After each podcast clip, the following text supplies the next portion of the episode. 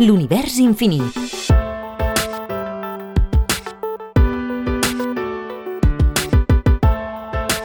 Albert Morral, Agrupació Astronòmica de Sabadell. Josep Comas i Solà, científic i divulgador català. Josep Comas i Solà va ser un gran astrònom i divulgador científic català que va impulsar l'astronomia moderna a Catalunya i va ser el primer president de l'Observatori Fabra. Josep Comas i Solà va néixer a Barcelona l'any 1868. Des de ben jove ja es va aficionar a l'astronomia. Amb només 15 anys va estudiar un meteorit que va caure a prop de Tarragona i fins i tot va publicar un article sobre ell a la revista Astronomie, editada a París. Un parell d'anys després va estudiar un eclipsi de lluna i una pluja de meteors. L'any 1886 va començar a estudiar física i matemàtiques a la Universitat de Barcelona i tot just acabada la carrera va començar les seves investigacions astronòmiques i a preparar el doctorat. Però l'any 1895 va abandonar-lo per posar-se a treballar a l'Observatori Català. Gran part de la seva activitat la va dur a terme a l'Observatori Fabra i a l'observatori que va instal·lar a casa seva, Villa Urània.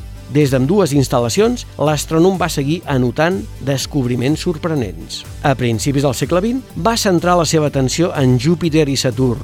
Va descobrir la interacció entre la banda temperada sud i la gran taca vermella de Júpiter. Va estudiar els seus satèl·lits detectant el casquet polar de Ganímedes. De Saturn va descobrir-ne la rotació diferencial de la seva atmosfera i va descobrir l'atmosfera de Tità, la seva major lluna. Aquesta desbordant passió pel firmament el va portar a desenvolupar una activitat divulgativa en infinitat de conferències. El 1896 va començar a escriure una columna quinzenal d'astronomia a La Vanguardia, activitat que no es va interrompre fins a la seva mort. L'any 1910 va fotografiar amb regularitat el retorn del cometa Halley, estudiant la seva activitat, canvis en l'estructura de les dues cues i erupcions gasoses. El 1915 va estudiar la pluja de meteors que hi va haver deduint que procedien del cometa Giacobini-Zinner. També va destacar pels seus estudis dels asteroides, ideant un procediment fotogràfic per a reconèixer-los.